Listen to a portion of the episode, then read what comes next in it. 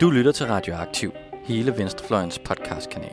Vi bringer de nyeste nyheder fra klassekampen, dybtegående interviews, nørdede analyser og knivskarpe debatter. Hvis du kan lide, hvad du hører, så husk at følge os på SoundCloud eller din podcast-app, og du kan også smide et like på vores Facebook-side. Så læn dig tilbage, knap bukserne op og nyd en varm kop Rød Radio. Velkommen endnu en gang tilbage til Katalysator, Radioaktiv Strategi, Visions- og Ideologi-podcast. Dagens afsnit den øh, bliver optaget øh, med live publikum. Yes, og det er direkte fra Solidaritets øh, sommerfest i Solidaritetshuset. Mit navn det er Janus Rønbak, og i dag der har jeg øh, folketingsmedlem for Enhedslisten Jette Gottlieb i studiet. Øh, Jette Gottlieb øh, har været mange år med i politik, øh, og først i VS og siden i Enhedslisten, og hun har også været øh, eller er faglig aktiv. Så har jeg også øh, Jakob Nerup med, han øh, er arbejdsmarkedsrådgiver for Enhedslisten, og øh, har også været kandidat til øh, Europaparlamentsvalget. Og der øh, til sidst så har jeg Monika Topsø Jensen med, øh, og hun har lavet ungdomsvalgkamp med Sufer Enhedslisten. Øh, og det er som sagt alle sammen lavet valgkamp, øh, og det er også dagens emne. Øh, og det er ligesom øh, det, vi skal dykke ned i, det er, hvordan laver man valgkamp? Hvad er sjovt, hvad er kedeligt ved valgkamp? Øh, hvad er effektivt, og hvad har ændret sig gennem tiderne? Øh, og det har vi så bedt øh, de her tre generationer af valgkampskæmpere om at, at øh, hjælpe os igennem i dag. Jeg vil starte med at sige øh, velkommen til alle tre. det håber jeg. Øhm, før vi øh, dykker ned sådan i historien bag, øh, hvordan man øh, laver valgkamp, og vi skal ned og finde nogle øh, anekdoter om, om fortidens valgkampe, Øh, så vil vi lige starte med at, øh, at have en, en analyse af det seneste valg. Øh, der gik øh, enhedslisten jo et mandat tilbage, men øh, SF gik øh, øh, pænt frem. Øh, hvorfor tror I det? Og I må bare øh, hoppe ind, hvis I har noget at byde med. Øh, vi kan måske starte med Monika. Ja, mm, det er jo et, øh, et rimelig godt spørgsmål i virkeligheden. Øh, hvorfor man gik et mandat tilbage, det, ja, det, jeg ved sgu ikke helt lige præcis, hvordan man skal, hvordan man skal svare på det. Altså, der er jo blevet lavet en hel masse, en hel masse analyser af det, men jeg tror egentlig, jeg, jeg tror egentlig, altså det man kan sige er, at det her, den her valgkamp, den havde jo enormt mange af vores dagsordner. Øhm, og det gør det måske på en måde også lidt spøjst, men vi havde måske Måske fik vi ikke markeret os super godt på nogle af de ting, som i virkeligheden har været i vores hjerteblod i lang tid. Det er jo sådan noget som klima og minimumsformeringer, som måske var lidt nogle dagsordner, som blandt andet SF også løb lidt med.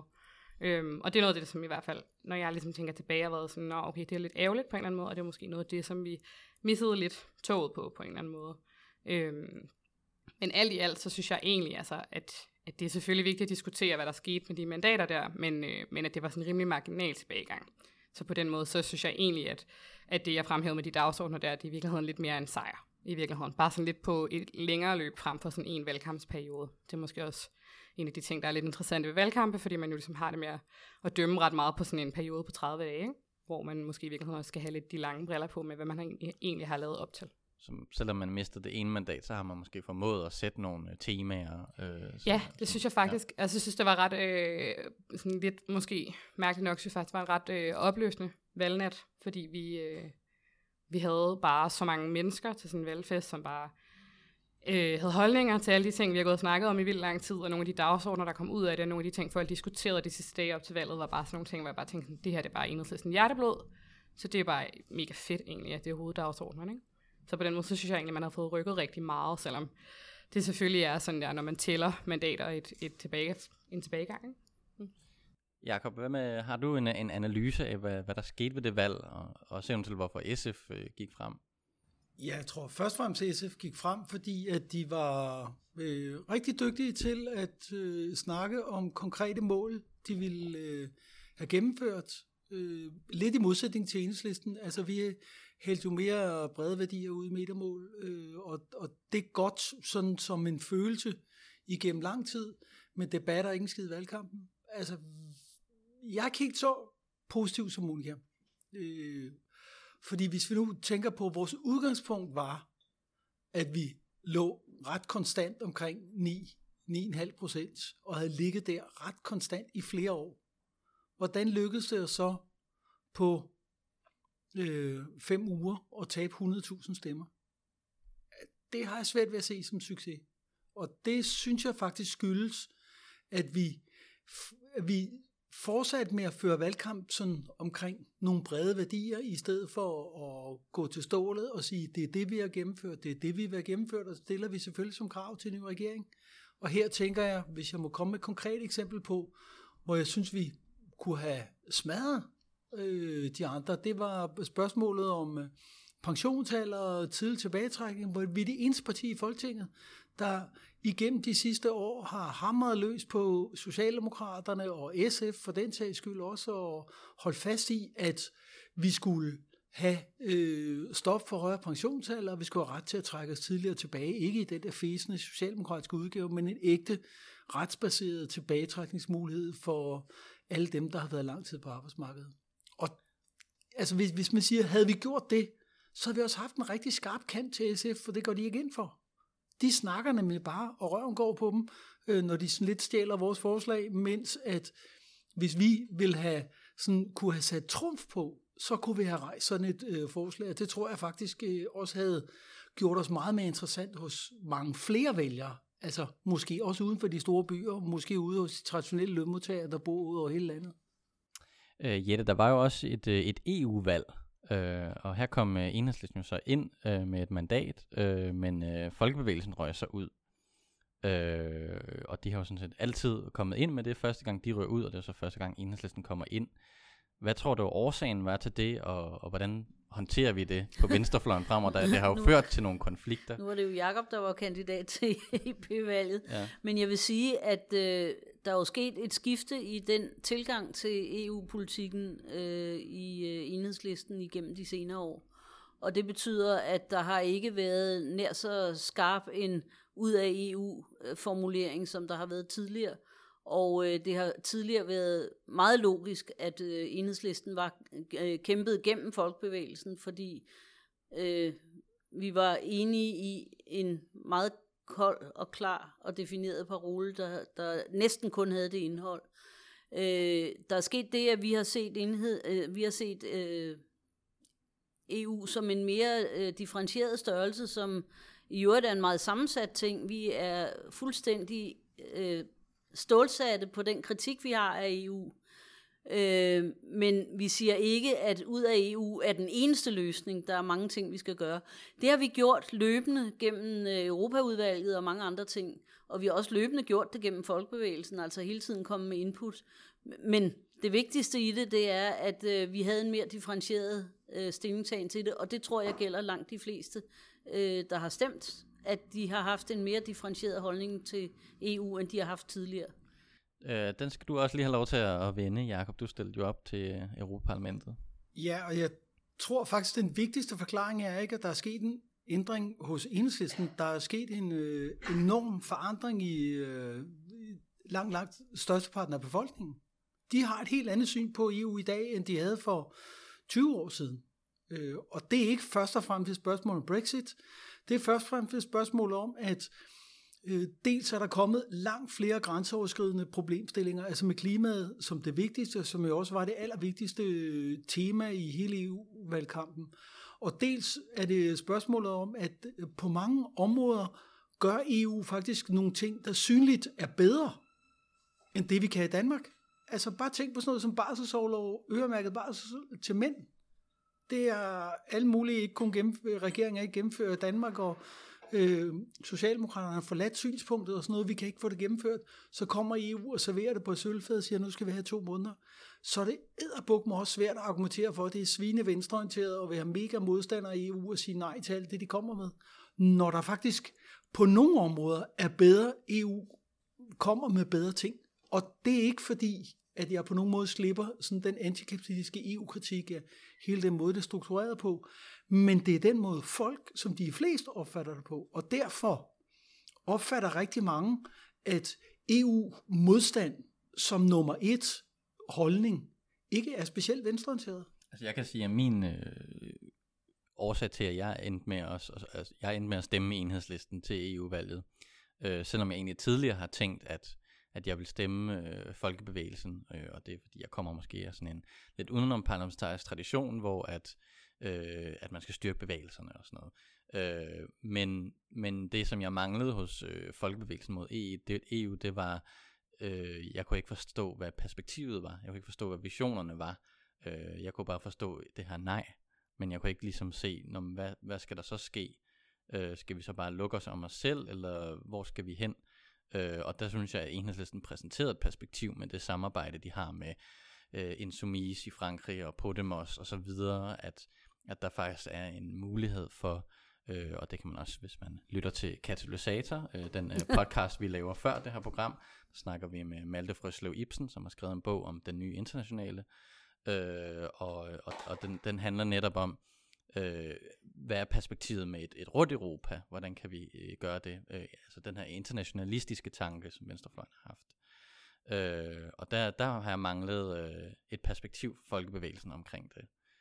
Men der vil, jeg sige, der vil jeg nemlig lige tilføje, at det betyder jo ikke, at kritikken af de fire friheder som grundlov ikke er fuldstændig intakt, mm. både i enhedslisten og i folkebevægelsen i øvrigt. Ikke? Det kan ikke nytte noget, at man sætter de fire friheder for kapitalen og den fri bevægelighed og arbejdskraft og alle de der ting, kan ikke nytte noget, at man sætter den over sociale øh, sikkerhedsnet og den slags ting. Og det er jo også derfor, at vi øh, kommer til at stille voldsomme krav omkring en, et socialt sikkerhedsnet indbygget i, i foretagendet, hvis det overhovedet skal bestå. Mm. Fordi ellers så rappler det jo. Det, det kan jo ikke hænge sammen på den måde, hvis det bliver ved at skabe de dynamikker, som, som findes med ka- fri kapitalbevægelser og alt det der. Man kan sige, at, øh, at tit så hører man nogle af de borgerlige politikere, vi skal i hvert fald ikke have et socialt Europa, men det er måske i virkeligheden det, vi skal have, hvis det skal give mening.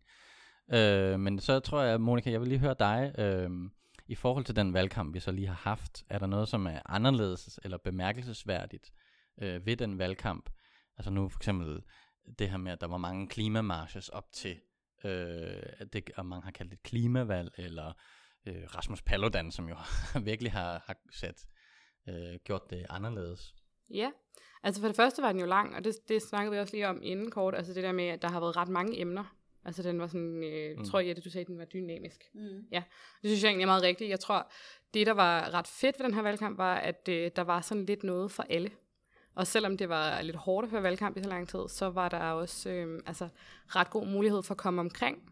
Vi havde ligesom mulighed for at fordybe os i nogle ting, og det gjorde også, at man nåede ligesom at lære dagsordnerne lidt bedre at kende. Fordi nogle gange, når jeg synes jeg i hvert fald tidligere, når jeg lavede valgkamp, så har det ligesom været sådan, at oh, vi har de her tre ting, og så kører vi bare. Kør, kør, kør, og så kommer der nogle gange nogle ting i øh, medierne eller andet, som man ligesom forholder sig til. Men her så havde vi faktisk mulighed for ligesom at, at gå lidt dybere, og det synes jeg var ret fedt, fordi vi for eksempel også fik noget øh, sparring og noget samarbejde med sådan nogle som den grønne studenterbevægelse, som kom forbi. Vi holdt noget sådan noget klimauge og sådan noget, hvor vi havde rigtig mange unge forbi, som måske også ligesom kunne bruge valgkampen lidt som sådan en, øh, en mulighed for at øh, undersøge noget politik, fordi det er jo sådan noget, alle snakker om lige pludselig, når der er valgkamp. Øh, og det der med, at man så ligesom har så lang tid til at åbne op om så mange forskellige emner, det tror jeg gjorde, at vi kom rigtig godt omkring. Og det var ret fedt, fordi det er ligesom... Øh, det er lidt, I, det, I, I hopper bare ind, Jamen, det er jo lidt sjovt, for vi plejer at brokke os over, at valgkampen er for kort, og valget er udskrevet mm. med for kort varsel, og puha, vi kan ikke nå det, og alt det der. Ikke? Mm. Men, men øh, det er rigtigt, at en lang valgkamp også giver mere dynamik, og det vi kunne se, det var, at der var flere bevægelser, der forholdt sig til det. Altså både klimabevægelsen, forældrebevægelse, alle mulige forholdt sig til, at de kunne spille ind i en valgkamp, og det er ikke det er ret nyt i virkeligheden. Præcis. Vi har ikke før rigtig haft sådan en masse demonstrationer i forbindelse med en valgkamp. Jeg synes, det var meget opmuntrende på den måde. Men jeg mener også, at fokus skiftede undervejs, for da valget blev udskrevet, var der jo ingen, der kunne se, at det ville blive så markant et klimavalg. Og det tror jeg jo også kom fuldstændig bag på de borgerlige i virkeligheden, at det, at det gik sådan. Men det havde de ikke taget højde for. Men jeg synes jo, at øh, på mange måder, så kan vi sige, at altså, enhedslisten, vi, vi ramte jo skiven fra start af vores planlægning øh, om det, altså at det skulle være om, om klima, det skulle være om velfærd, vi skulle snakke om øh, alle dem, der var blevet fattige, vi skulle snakke om humanisme i form af at stoppe racisme og øh, gøre noget for dem, der er spærret inde øh, på Sjælsmark og så videre. Ikke? Altså, så, så vi havde ligesom, vi var jo et eller andet sted godt politisk forberedt, og det fantastiske ved den her valgkamp var egentlig ikke vores valgkamp. Det fantastiske var egentlig det, at øh, til forskel for sidst mange andre valgkampe, at det var sådan lidt vælgeren selv, der satte dagsordenen. Mm. Øh, Jamen, men det, det blev også, ja, men det synes jeg også er meget rigtigt. Men det blev så også vores svaghed. Fordi vores svaghed var så, at når vi ligesom øh, snakkede om alle de rigtige ting, altså sådan, når vi skal også have mere velfærd og sådan noget, pludselig, fordi at vælgerne krævede det, så stod de ude i kø, alle de andre politikere, for at der var ikke grænser for, hvor grønne øh, selv alt det borgerlige blev grønne. Ikke? Selv Socialdemokraterne lovede super meget velfærd, ikke? og SF gik all in, og så nappede de bare nogle af enhedslistens mærksager, uden at have aldrig nogensinde have ment det før, og så øh, førte de valgkamp på det. Og der stod vi jo lidt øh, afmonteret med det, vi egentlig troede, der var vores styrke, blev i virkeligheden ved vores svaghed. Og der tænker jeg, at altså, vi bliver også nødt til, sådan, hvis vi hvis, som enhedsliste vil jeg i hvert fald tænke, at der bliver vi nødt til at være lidt mere, øh, hvad skal vi sige, brutale, altså for at lave kant til SF. Øh, vi bliver mere, nødt til at være mere skarpe over for Socialdemokraterne og sige, ja, de lover et, men altså nu har de brugt fire år på at lade være at ville noget. Hvorfor, hvorfor skal vi så tro på dem nu? Øh, og på, på den måde burde vi nok et stykke ind i valgkampen have set, at de andre ville løbe med en masse opmærksomhed, stemmerne, dagsordnerne, hvis ikke vi ligesom kunne erobre noget af den tilbage. Og der var vi nok alt, alt, alt for pæne.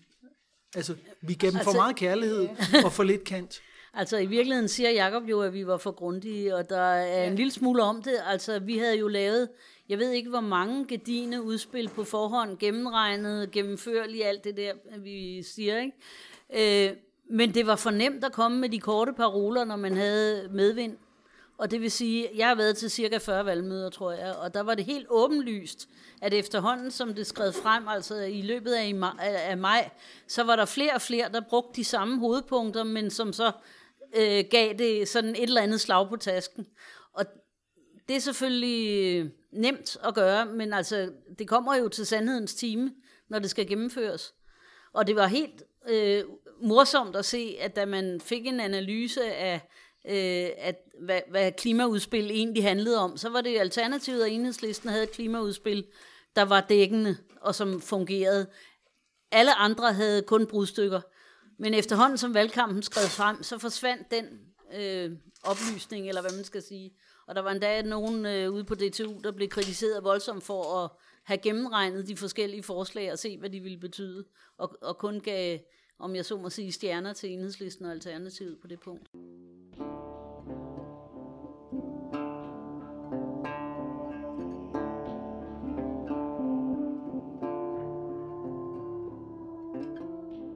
Så lad os øh, dykke lidt øh, videre ned her, øh, og lad os øh, starte med dig, Jette, og komme lidt øh, ned i, i historien. Øh, du har jo også ført øh, valgkamp i, øh, i 70'erne og 80'erne for Venstresocialisterne. Øh, kan du komme ind på nogle eksempler øh, på, øh, hvordan man førte valgkamp dengang, hvordan det er anderledes fra i dag? Jamen altså, der er nogle fuldstændig fundamentale anderledes ting, og den væsentlige er mediernes rolle i forhold til det, fordi dengang var det sådan, at der var et medie, og det var Danmarks Radio, og der var nogle fuldstændig skemalagte ting, som man havde ret til. Altså hvert parti havde ret til en valgfilm, på et kvarter, og derefter en øh, debat med tre pinger i partiet, og så til sidst et interview med en partileder og sådan nogle ting. Og det var i virkeligheden kernepunktet. I løbet af sådan øh, de tre uger, en valgkamp varede, så var det jo stort set afsat til hver, hver dag til et parti. Det var meget organiseret? Det var meget organiseret, og der var et medie, så det var, det var meget enkelt, at det var noget, man fokuserede meget på. Og det var meget vigtigt, hvordan den valgfilm faktisk kom til at fungere. Det er ikke, det er ikke bare tiden for sociale medier, det er også tiden for det er tiden øh, andre for, medier. Lige præcis. og derfor var det meget mere fokuseret på, på den type. Og så valgplakater. Og valgplakater havde budskaber, vil jeg tillade mig at sige. I hvert fald på venstrefløjen, og nu siger jeg det bredt. Der var budskaber på valgplakaterne. Det var ikke kun øh, photoshoppede fjeser, vel? Øh, Jakob, øh, øh, din første valgkamp, Øh, hvordan var den? Og hvordan er den øh, anderledes fra i dag? Og er der noget, vi kan lære af den måde, man førte valgkamp på dengang? Altså jeg vil sige, de første valgkampe, jeg har deltaget i, det er jo faktisk også øh, helt tilbage i, i 70'erne, slut 70'erne med at dele løbsedler ud for venstresocialisterne og sætte plakater og sådan noget op. Men jeg synes, at altså, altså prøv at sige noget om for eksempel at sige, hvordan forandrede valgkampene sig i 90'erne, så vil jeg sige, der skete noget, hvor at at man måske gik mere fra, at valgkampen egentlig først og fremmest handlede om at tage debatten i jeg var lige ved at sige forsamlingshuset, i fagforeningen, øh, kantinemøder på arbejdspladserne og sådan noget, at, at det, blev, det blev der betydeligt mindre af. Lige præcis, fordi den udvikling, Jette beskriver med, at der kom TV2, der kom også øh, andre mindre kanaler øh, frem, og det vil sige, noget af den debat, der egentlig før havde været meget håndholdt, og, og hvor debatten meget var, tog sit afsæt i det lokale eller i det nære på arbejdspladsen, så blev debatten ligesom, hvor du blev flyttet ud i nogle rum, hvor du egentlig ikke kendte de andre mennesker. Det vil sige, det blev meget lettere for de medier, for de journalister at begynde at sætte præmisserne for debatten. Og så var det jo, synes jeg, sådan noget af det, der tog fart ud fra det, var jo øh, de der præsidentvalgkampe, som medierne jo synes var fantastiske. Altså, det gør så godt på tv at lave et studie, så sidder der en masse socialdemokrater, der sidder en masse Venstres ungdom, så sidder de og roer hinanden, øh, som om, at det er en fodboldkamp. Og øh, altså det, Den det, der første er det valgkamp, jeg kan huske, øh, det var netop mellem øh, Anders Fogh og, og øh, hvad hedder han? Øh, Poul Nyrup. Poul Nyrup, ja, ja. præcis. Hvor, hvor der kan nemlig huske, at, at de sad sådan en rød og en blå fløj mm. inde i et kæmpe stadion, og sad banket på sådan nogle øh, sticks, øh, så det larmede af helvede til. Øh, ja, det, og det, var, det må også have været i, i 90'erne. Der vil jeg også godt tilføje, at, at den proces også har ført til, at medierne har skabt, at vi i Danmark har et topartisystem. Det har vi altså ikke. Og det er meget, meget, meget sjældent, at vi har haft øh, egentlige to fløjs opdelinger. Der har altid været partier, der gik lidt på tværs i nogle holdninger, lidt på tværs i andre holdninger. Men øh, mediebilledet, den enkle måde at styre mediebilledet, det er at gøre det til et topartisystem. Og det er fordummende. Og det synes jeg, man skal lade være med. Så hvis øh, vi lige hopper lidt her, altså den generelle valgkamp, er den, er den blevet mere overfladisk med tiden så? Det vil jeg bestemt sige ja til. Ja. Og det, altså, når jeg selv siger, at vores egen valgkamp var for grundig, og den var for seriøs mm. øh, i den her, i den her øh, fase her, så siger jeg dermed også, at det er blevet for nemt at komme med de overfladiske betragtninger. Det betyder ikke, at jeg ikke giver ret i, at vi selv skal tænke mere i, og være mere fokuseret på, på delspørgsmål og så sådan nogle ting. Monika? Ja, altså jeg vil, nok, jeg vil nok sige, jo jo, den er da nok blevet mere overfladisk. Altså, der er jo helt vildt meget sådan sensation over det. Ikke? Vi havde da også, i den her valgkamp har vi da også haft ungdomspartier, der stod og larmede helt vildt ude på øh, hovedbanegården, når der var sådan nogle partilederrunder og sådan noget. Det var da også totalt øh, sensationsagtigt. Men det der med rummet, det er jo interessant. Altså, hvor er det, man fører valgkamp henne? Er det i, i små lokaler, hvor man mødes, eller er det ude øh, ja, i medierne, eller er det på sociale medier? Og det, man kan sige, er måske, selvfølgelig er der noget af det, der er blevet mere overfladisk, men der er også noget af det, som er blevet mere udfordrende. Fordi man skal ud til nogle mennesker på en måde, som ikke er overfladisk, uden at kunne snakke med dem ansigt til ansigt. Og det er jo egentlig ret svært. Og det er noget, som alle skal blive bedre til, og det er også noget, som er sådan lidt, øh, lidt svært lige at føle og måle på, øh, om man er lykkedes med nødvendigvis. Øh, og så skal man på en eller anden måde ligesom øh, have omsat det der med at skulle snakke med en hel masse mennesker i et rum, man ikke rigtig kender, uden rigtig at kunne se de mennesker, til øh, at, at komme ind i de her mindre lokaler og snakke sammen og diskutere igen. Fordi valgkampe er jo også meget defineret af, hvad man ligesom har bygget op og organiseret op til. Ikke? Ja. Men Monika, du har også været med til, til valgkampe. Øh, kan, kan du, har du nået at se en, en udvikling i valgkampen, bare i det stykke tid, du har været hmm. med? Ja, det tror jeg da nok, jeg har. Kunne lige tænke over, hvad det er for Altså, jeg har lavet, jeg, jeg startede med at lave politik i 2011 under valgkamp, og så har jeg været med i 2015, og så har jeg været med her nu. Øhm, og så har der selvfølgelig også været en masse kommunalvalg og sådan nogle ting, så jeg er indimellem. Øhm, men ja, det er lidt. Altså, jeg, jeg synes da i hvert fald, at man har, øh, man har rykket sig enormt meget på det der med, med hvor man skal hen, og, øh, og hvor meget man ligesom tænker, øh, tænker ud i dagligstuerne, og, øh, og sådan nogle ting. Men det er jo måske også meget naturligt, for det er jo lidt en læringsproces i virkeligheden, hvordan Men man kommer jeg, derhen. Må jeg skrive noget ind? Jamen, det er fordi, jeg synes egentlig, vi blev slået på det, der var vores hjemmebane øh, ved det her valg. Altså, øh, med, med, og det var igen de radikale og SF, der slog os. Altså, de radikale lykkedes. Vi troede, at ude i et hvert boligområde, hvor der bor mange øh, minoriteter og sådan noget, at der var den safe home. De har, de har sgu altid stemt på enhedslisten, det bliver de ved med at gøre.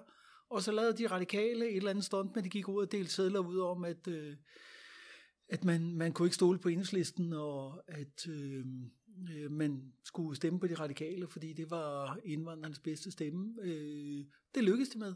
og, og det skal jo fortælle også, at vores forankring er alt for overfladisk. At den simpelthen ikke er dyb nok, og det vil sige, det at vinde stemmerne, handler ikke først og fremmest om at vinde dem i de tre uger. Der kan man tabe dem. Men du skal vinde dem i de år, der går forud for et valg, ved kontinuerligt at være til stede og relevant. Og så der er også noget organisatorisk i det? Ja, og, og, og den her gang, sidste, ved sidste valg i 15, der var enhedslisten by far det stærkeste parti på de sociale medier. Øh, den her gang, der blev vi smasket på de sociale medier. Altså, SF'erne var langt bedre til at være til stede. De brugte rigtig mange penge på at annoncere på de sociale medier med, på den måde, og det var de dygtige til øh, at, at, at sætte de dagsordner, der var meget enkle. Øh, og, og det må vi bare sige, vi, vi, det var det, jeg sagde lidt tidligere, altså jeg tænker, vi er nødt til at være mere sådan brutale, skarpe, øh, have den kant, øh, for ellers bliver vi ikke hørt. Altså det kræver mediebilledet altså også, og det bliver vi nødt til at følge med i. Ja, altså det er jeg glad for, at du lige tog op igen, det der med den der kant, fordi jeg tror, at det er rigtigt nok det der med, at vi, vi på en eller anden måde blev lidt ærgerlige, at vi er så grundige i enhedslisten under den her valgkamp, fordi vi var lidt for langsomme til ligesom at gribe de der dagsordner og komme ud med nogle helt vildt konkrete forslag. Men tilbage til den der med radikale, det er egentlig også derfor, nu sagde du tidligere, at Jacob er helt lige så optimistisk som mig, men det er egentlig derfor, jeg er ret optimistisk. For det ved jeg godt, at det er lidt, lidt et øjebliksbillede, der er ikke så smukt, men altså, fordi man skal jo, man skal jo lave enormt meget ind imellem valgkampen her, og det synes jeg faktisk, vi har et rigtig godt afsat til lige nu. Altså jeg synes, at, øh, at, at vi er landet et sted, hvor, at, øh, hvor vi snakker rigtig meget om, hvordan man ligesom balancerer det her med at nå ud bredt via sociale medier og alle de der ting, men også ligesom øh, øh, organisere sig lokalt. Øhm, og det er jo også en, en ret vigtig lektie at have med på en eller anden måde. Øhm, og så, så tror jeg bare, at jeg synes, at, at den der kombination af, at så mange af vores dagsordner var noget, var noget der blev diskuteret under valgkampen, øhm, og vi ligesom har, har, har den lektie med os, at vi skal ud og organisere også lokalt, det, øhm, det gør mig stadig sådan ret optimistisk, og egentlig ret sådan, øh, jeg glæder mig lidt til at gå i gang på en eller anden måde. Tænker I, at, at de sociale medier, øh, hvad skal man sige, hjælper den demokratiske debat, eller, eller har den forfladet den demokratiske debat? Man kunne også kigge på, øh, for eksempel i USA, øh, der er der jo enormt mange af de her sociale medier, for eksempel på YouTube, eller øh, igennem øh, internetbaserede øh, medier, ligesom Solidaritet er, og ligesom Radioaktiv podcast osv., som har formået at nå virkelig langt ud øh, til, til den amerikanske ungdom, som er langt mere venstreorienteret, end man har set længe, øh, og som øh, er nogle af dem, der bærer Bernie Sanders-kampagnen igennem og sådan noget. Så man kan sige, der, altså, der er nogle faldgrupper med, at det bliver forfladet, men der er også nogle, der åbner ligesom også op for den dominans, der måske er i de traditionelle medier har en, en analyse af det på en Jamen selvfølgelig. Altså, ja. jamen, vi skal da omfavne de ja. sociale medier. Vi skal, vi skal være de bedste på de sociale medier af den enkle grund, at vores måde at lave politik på handler jo først og fremmest om at lave det sammen med de mange. Og vi vil jo gerne have, at folk, som de flest, selv involverer sig. Og, og det at, altså vi kan jo ikke måle politisk aktivitet alene på, hvor mange der gider gå ned i et støvet lokale en lørdag aften og sidde og høre på en podcast og drikke bajer bagefter. Vi skal også måle politisk debat på, for eksempel hvor mange der gider interagere, når hvis man rejser et, øh, et politisk spørgsmål, får en øh, debat i en tråd øh, på Facebook eller den slags. Altså, jeg tænker, at det er, det er, en, det er en mulighed for i virkeligheden, at langt flere også kan, kan byde ind det er ikke den eneste ting, man skal gøre. Altså man skal ikke tro, bare fordi man får likes på Facebook, at så laver man revolution. Men øh, vi, skal, vi skal vide, at det er et enormt vigtigt sted at, at være, og fordi der kan man føre mange samtaler, man får også meget meningsfyldte samtaler, hvis man ser bort fra alle de der, der bare larmer og skælder ud. Um, kan man ikke sige, at altså nu er jeg jo ikke super ekspert på de sociale medier, det tror jeg, at de fleste ved, men jeg, jeg vil nok sige, at den er meget envejs. Altså grundlæggende. Nu siger du, at man kan få mange debatter. Ah, det er jeg ikke sikker på, man kan. Ikke noget, der fører til aktivitet, og jeg er helt enig i det, du siger. Vi kan jo ikke udrette noget, uden at det er folk, der gerne vil arbejde med det. Jamen, Hvis... det, det synes jeg simpelthen er forkert, fordi ja. øh, at, prøv at se, hver eneste gang, at jeg tager ud til en, en blokade af en eller anden byggeplads eller et eller andet, så er det jo fordi, at jeg er blevet mobiliseret gennem øh, de sociale medier fordi jeg er i samtale og i netværk med folk, der er øh, aktive inden for byggefagsfagforeningerne og sådan noget, så er det derfor, at jeg bliver mobiliseret. Eller den her, hvis Trump nu var kommet her om øh, en uges tid, altså hele den demonstration var organiseret gennem et sted på Facebook. Ja, ja, ja det, det kan jeg godt forstå, at du synes. Og det, det er jo også rigtigt nok, at man, man kommer, fordi man bliver spurgt på de sociale ja, medier. man ved det. Ja, fordi man ved det. Men Jacob, jeg tænker bare, du er jo nok typen, som ville, hvis nu du ikke lige havde Facebook, så ville du nok blive informeret om de her ting alligevel gennem dit netværk, ikke? Altså du, du vil gerne dukke op til det her. Jeg tænker, der hvor man kan bruge de sociale medier rigtig meget, og der hvor jeg tænker sådan, at de har en fed demokratisk effekt, det er ligesom, øh, fordi en ting er, at man kan jo sagtens kopiere de ting, man ville gøre før, øh, over på de sociale medier, og så har man ligesom de samme mennesker, som øh, snakker med hinanden der, og diskuterer der, og informerer der. Det man ligesom kan bruge det til, det er også på en eller anden måde at øh, udvide øh, den gruppe af mennesker, man taler til, og udvide øh, demokratiet lidt på en eller anden måde også, fordi at... Øh, selvom det kan være ret svært, så ligger der jo nogle handlemuligheder i det digitale, og det der med at like og interagere og debattere med og sådan noget, det er jo sådan set også nogle handlemuligheder, øhm, og det er der jo mange, som, som vil støtte et politisk parti, som gerne vil være med til at lave. Det der er en barriere i de sociale medier, hvis man ikke er typen, der i forvejen ville komme til et event, nu er det bare det eksempel, øh, fra før med, med byggepladsen, det er det her med, at, at typisk, når man skal have nogen til at gøre noget analogt, så skal man også spørge dem analogt. Så man kan nå rigtig langt, tror jeg, med de sociale medier, men der, er, der kommer også en barriere på et tidspunkt. Og det, og det vigtigste, altså når man ligesom lægger strategier, eller hvad man nu gør, for ligesom at, at inddrage de sociale medier i sine kampagner og sådan noget, det er det der med, at man hele tiden skal huske på, hvis nu jeg havde gjort det her i forvejen, så er det måske ikke så er jeg måske ikke nået så langt med det. Man skal hele tiden ligesom ud over det, det, det, det man ligesom ville have haft i forvejen. Det er ret uforpligtende at like, ikke? Ja, det er ret uforpligtende, men det kan og også... det er nemt. Ja, det er meget, men, meget Men nemt. hvis det er mig, der liker, så er det enormt uforpligtende. Hvis det er nogen, der liker noget politisk for første gang, så er det ret stort for dem. Okay.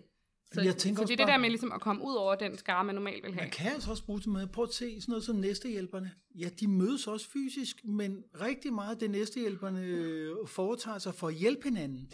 For at skaffe penge til en, der skal have medicin eller et eller andet, eller nogen, der får barn og skal have en barnvogn og sådan noget, så er det øh, gennem de sociale medier og de netværk, der ligger der, hvor man hjælper hinanden, spørger, kan du ikke lige, og så, Nå, men jeg har hørt dig en anden, kan du så ikke lige øh, køre ud med, du har en bil og køre ud med den barnvogn. Altså, så på den måde bliver det, det bliver også samtaler, ja, der fungerer mellem mennesker, så, så jeg synes ikke, at, altså, jeg er enig med dig i, Monika, at vi kan aldrig erstatte det der med at være ansigt til ansigt og tage hinanden i hånden og gøre nogle ting sammen, at det er der en alt dominerende styrke i forhold til ja. alt muligt andet. Men det, det er, også, aldrig afskaffe. det er jeg også enig med. Jeg tror bare, der hvor jeg synes, det bliver en interessant del i forhold til den, til den demokratiske samtale, det er det der med, når vi kan udvide, vi kan gøre mere end det, vi kunne gøre i forvejen. Mm. Ja. Nu, øh, nu har vi jo snakket lidt om, øh, om de sociale medier, som er noget af det, det nyeste, der påvirker valgkampen, men der er også noget andet, som, øh, som man har brugt i, i århundreder, og det er valgplakaten. Øh, giver valgplakaten mening i dag? Øh, og og hvorfor er de så kedelige alle sammen? altså valgplakater giver mening, hvis de ikke er der. Så bliver det opdaget. Det tror jeg er vigtigt. Men, øh, så det, det er en slags tilstedeværelse, vi skal vise, at vi er her. Ja, ja. Det, det tror jeg helt sikkert. Men jeg bemærkede i den her valgkamp, at når man kiggede på det samlede plakatbillede, og det er nemt at komme til, når man kommer cyklen et sted, det eneste man så, det var øget. Fordi alle de andre, det var de der fjesplakater. Ikke? og det vil sige, det betød ja. ikke, at vi ikke havde fjesplakater. Det, det er en lang diskussion, men, men det betød, at det, var, det kunne man se. Og jeg lagde mærke til, at i den sidste uge af valgkampen, der begyndte A'erne også at troppe op. Der begyndte der at komme A'er op på forskellige steder. Ovenikøbet steder lagde jeg mærke til, hvor jeg havde sat øer op. Ikke? Det kan vi jo ikke lide. Men øh, pointen er, at det er vigtigt, at der er et budskab i en plakat, og man skal forstå, at en cyklist skal kunne forstå budskabet bare ved at køre forbi. Om bilisten kan, det kan være svært at lave, men det kan lade sig gøre. Og jeg vil også sige, at der har været plakatkunst tidligere, som var langt mere udviklet end det, vi ser i dag. Men det er også det, det jeg tænker på. Altså, jeg har selv en plakat øh, fra den spanske borgerkrig hængende hjemme på væggen, fordi den er enormt smuk. Det er en kunstner, der har lavet den. Ja. Øh, men det, det ser man ikke i dag. Nu ser man bare sådan nogle rimelig øh, kedelige øh, mennesker, der kigger på en. Og, og, og så står der måske en kort sætning. Ja, den, varm luft for eksempel. Den, den dummeste plakat, jeg nogensinde har set, det var et, en, et ansigt af en person, og så stod der for fremtiden. Jeg har aldrig hørt noget mere intetsigende. Sådan, som om, at, at vi skulle være for fortiden. Eller, jeg, jeg, jeg tror faktisk, det var en SF'er, hvis jeg skal være helt ærlig. Uh, det var bare for fremtiden. Nå, okay. Nej, men, men det, er, det er vigtigt, men, der er budskab i de plakater, og mm. det er vigtigt, at de fremstiller teams, der arbejder med et eller andet, fra min vinkel, der synes jeg, det er vigtigt, at man er altså øh, flere om tingene. Ellers mm. ser det ud som om, at jeg, mit store ego, kan udrette mirakler, og det kan store egoer ikke. Sådan arbejderbrigaden, der går med en stor rød fane. Det behøver det, det behøver det ikke være. Det behøver det ikke være. Man, der, er mange, der er mange udtryk. Jeg kan sige, at da VS så stillede op første gang og havde det der y med en slangebøsse, mm. jeg skal forsikre om, at det blev bemærket. Ikke? Mm. Og der var meget symbolik i det selvfølgelig, fordi det var oprør, men det var også frægt, og det var også, øh, ja, det var mange ting. Men det blev meget, meget bemærket på det tidspunkt. Ikke? Men, men jeg vil godt anholde en ting, ikke? fordi jeg er sådan set enig i, at det er vigtigt med budskaber. Men en af grundene til, at man ikke bruger budskaber på plakaterne, det er jo også blevet, at man synes, at, øh, øh, at, at valgkampen skal være så 100% aktuel. Altså alt det, man skal sige, det, det ligger forberedt ned i en masse skuffer, og så river man en masse forslag op, når der bliver trykket på knappen, og pludselig bliver trykt en masse pjæser og sådan noget. Og, og det er faktisk noget af det, jeg tror, der også er en svaghed hos øh, venstrefløjen, ja, i hvert fald hos enhedslisten, synes jeg, at altså, vi ligesom ikke tør på forhånd sige, vi synes, at valgkampen skal handle om følgende hovedspørgsmål, øh, og det vil vi gerne føre valgkamp på. Så kan man godt skyde ind med alt muligt aktuelt, og for ikke at Altså, nu er ikke nogen, der gider at, at diskutere pensionsalder. Vi synes, det er vigtigt. Så skal vi måske ikke bruge al vores tid på det øh, i tv. Men det at have nogle forankrede budskaber, altså for eksempel, at jeg er min, for jeg sidder i øh, bestyrelsen i en stor HK-fagforening, øh, hvis jeg kunne have ført valgkamp derpå, at sige, står på højere pensionsalder, så kunne jeg have spredt det ud til alle mine kolleger der, og vi kunne have taget det lang tid i forvejen. Det, det vil sige, at det havde været forankret spørgsmål, så ville det give rigtig meget mening, at det hang på en valgplakat. Fordi det ville minde dem om, at deres kollegaer havde sagt det, og havde taget diskussionen. Så i dag skal man se valgplakaten sammen med en, en bredere øh, Helt sikkert. front af, Helt af sikkert. budskaber? Ja.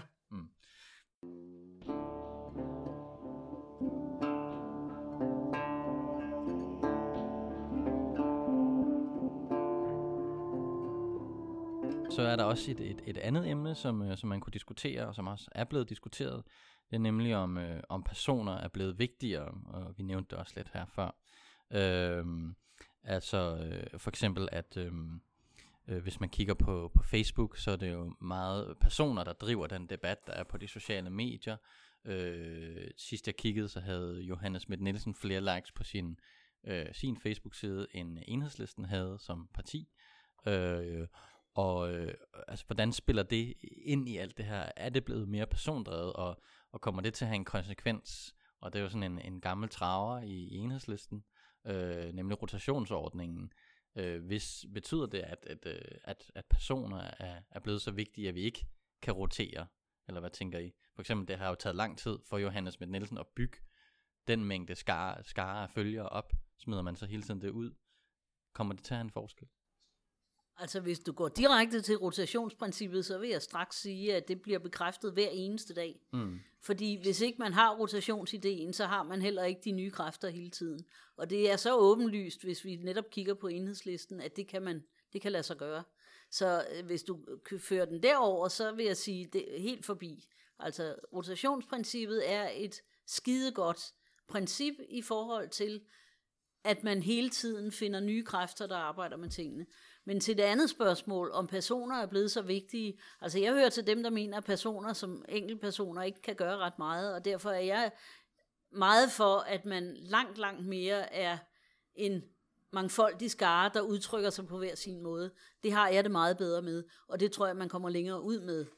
Øh, det der med, at man har et, et entydigt fokus på en person, Altså, jeg vil næsten, jeg, jeg ved næsten ikke, hvad jeg vil sige, men altså, man kan jo se, at partilederne i alle partier, altså, der står og falder. Det er egentlig rigtig meget med dem. Og navnlig hvis de øh, kommer i krig med hinanden indbyrdes, så bliver det virkelig øh, giftigt, ikke? Så du siger, at det personfokus kan måske give noget, men det gør også et parti det, sværere, fordi det gør hvis, hvis, en, ja, jamen, hvis der er en personsag, så, ja, ja, så men, rører det. Ja, ja. Og, øh, og, øh, og den pågældende er jo altså belastet på et niveau, som jeg synes er helt umenneskeligt. Så jeg, altså, jeg synes ikke, det er, det er en god udvikling, at man fokuserer så meget på én spids. Jeg ville hellere have et bredere spektrum og en håndfuld og en, et team. Jamen, jeg tror bare ikke, at vi kan slippe udenom det, fordi det er ikke en præmis, vi bestemmer øh, som, som venstrefløj Det det slet ikke her i en dansk sammenhæng noget, enhedslisten har magt til at øh, forandre, så vi er nødt til at æde, at det er præmissen. Skal vi prøve at ændre lidt ved præmissen, så tror jeg, at det først og fremmest skal bestå i, at vi øh, har mange stærke profiler. Ja, ja. Og vi bruger mange profiler til at fremføre enhedslistens politik.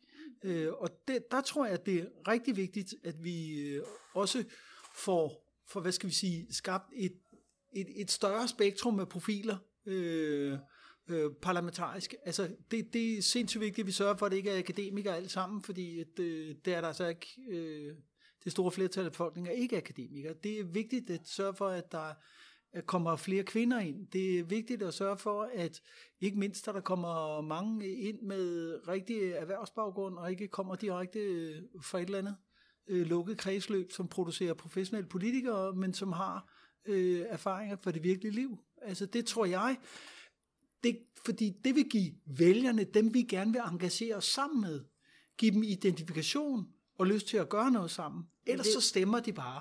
Og det skal være den store forskel for os som venstrefløjen, det er, at vi ønsker jo ikke, at folk bare skal stemme på os. Vi ønsker, at vi skal handle sammen for at øh, forandre verden. Altså, ja, ja, ja. Jeg tror, i forhold til rotationsprincippet, det har jeg godt nok også diskuteret rigtig meget, men jeg, jeg er egentlig ret vild med det. Jeg synes, det giver rigtig god mening. Og så tror jeg også, du har en pointe det der med, at vi skal have flere og flere forskellige profiler og sådan noget. Det tror jeg også er rigtigt, men jeg tror også noget af det, der ligesom skal til på en eller anden måde, er fordi, at de der personer, de er vigtige.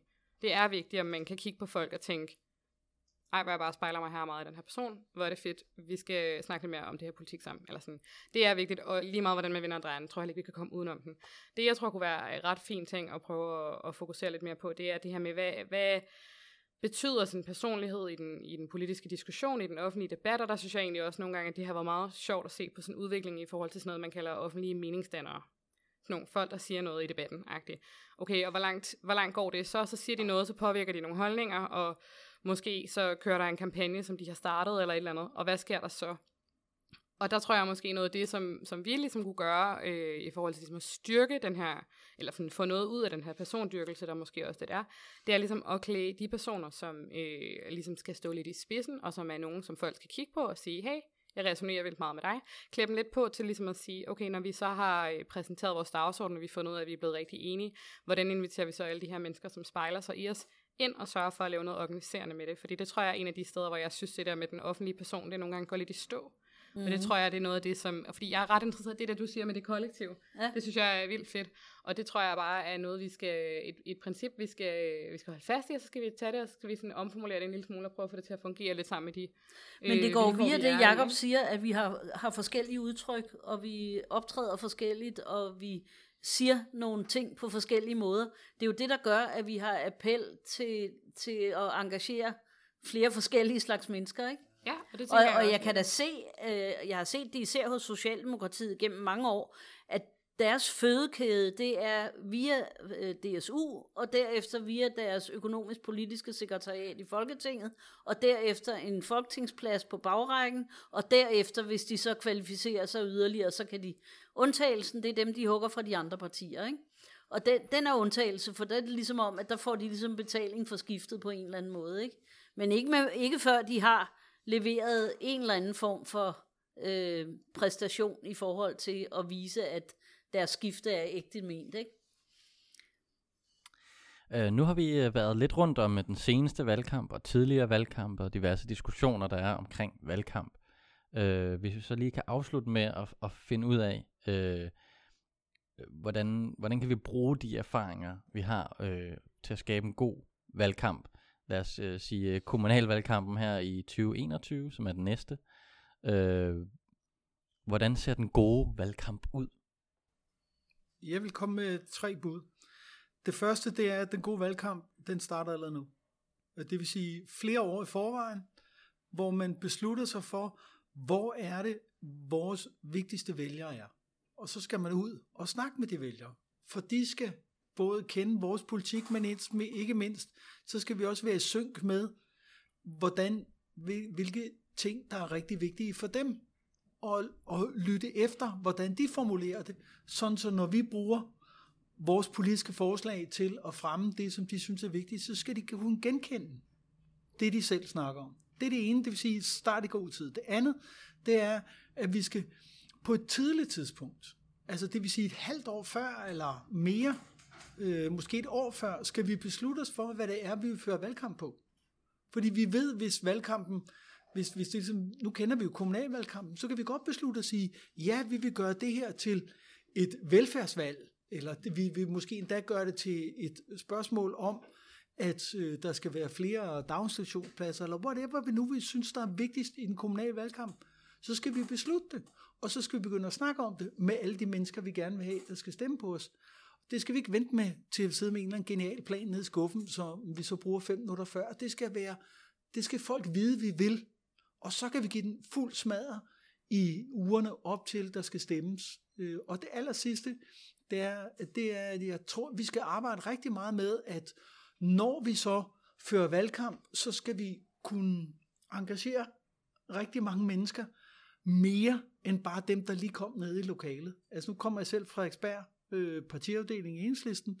Vi, vi har mange gode mennesker, der er aktive, men vi har faktisk, altså det, det er jo måske kun 10-15 procent 15 procent af medlemmerne, der er aktive i en valgkamp. Og det er alt for lidt, for jeg er sikker på, at øh, langt de fleste gerne ville føre bare lidt valgkamp. Altså bare have et par flyers, eller bare bidrage med et eller andet med nogle penge, eller øh, holde en fundraising, eller whatever de nu kunne lave, dele øh, nogle ting ud på deres arbejdsplads, sætte noget op i deres opgang, øh, gøre en masse ting. Og det er vi alt for dårlige til. Altså vi er alt for fokuseret på at sige, ej hvor fedt, nu var vi 10 superaktivister, der mødtes, ikke? og så laver de 10 superaktivister 10 superaktivistiske planer. Øh, og det bliver, lidt, det bliver lidt for meget for få mennesker, der skal udføre alt for meget, i stedet for rigtig mange mennesker øh, lave noget alle sammen. Så det synes jeg er de tre ting, øh, vi skal gøre. Ja, det er nogle gode ting, men det ville jo være fedt, hvis vi gjorde det. Men ja, og jeg måske uddybe lidt i virkeligheden bare, altså øh, i forhold til det her med, øh, nu har vi jo en hel masse dejlige mennesker, som har integreret helt vildt meget mere til den her valgkamp. Dem skal vi skynde os at få fat i lynhurtigt. Øhm, og så handler det jo også om, hvad, ja, altså hvad, at man ligesom bygger, bygger noget styrke op i, i enhedslisten som organisation op til en valgkamp. Så tror jeg, at øh, vi skal tænke ud over det også, fordi der er rigtig mange mennesker, som har interageret med os, som ikke er blevet medlemmer. Øhm, og det er super fint. Vi skal finde simpelthen på et eller andet, som er sådan lidt rinse and repeat-agtigt. Noget, man kan gøre, hvis man øh, synes, at, øh, at, at den politik, vi fører, ligesom resonerer med en, sådan så man kan være med i valgkampen på mange forskellige måder. Det tror jeg er øh, ret vigtigt, for at man ligesom breder ud. Øhm, og øh, samtidig med, at man får inviteret ind. Ikke? Øhm, og så tror jeg, at øh, det er rigtig, rigtig vigtigt, at vi lige får tænkt over, at det sidste der, jeg sagde, det går rigtig godt hånd i hånd med nogle digitale redskaber.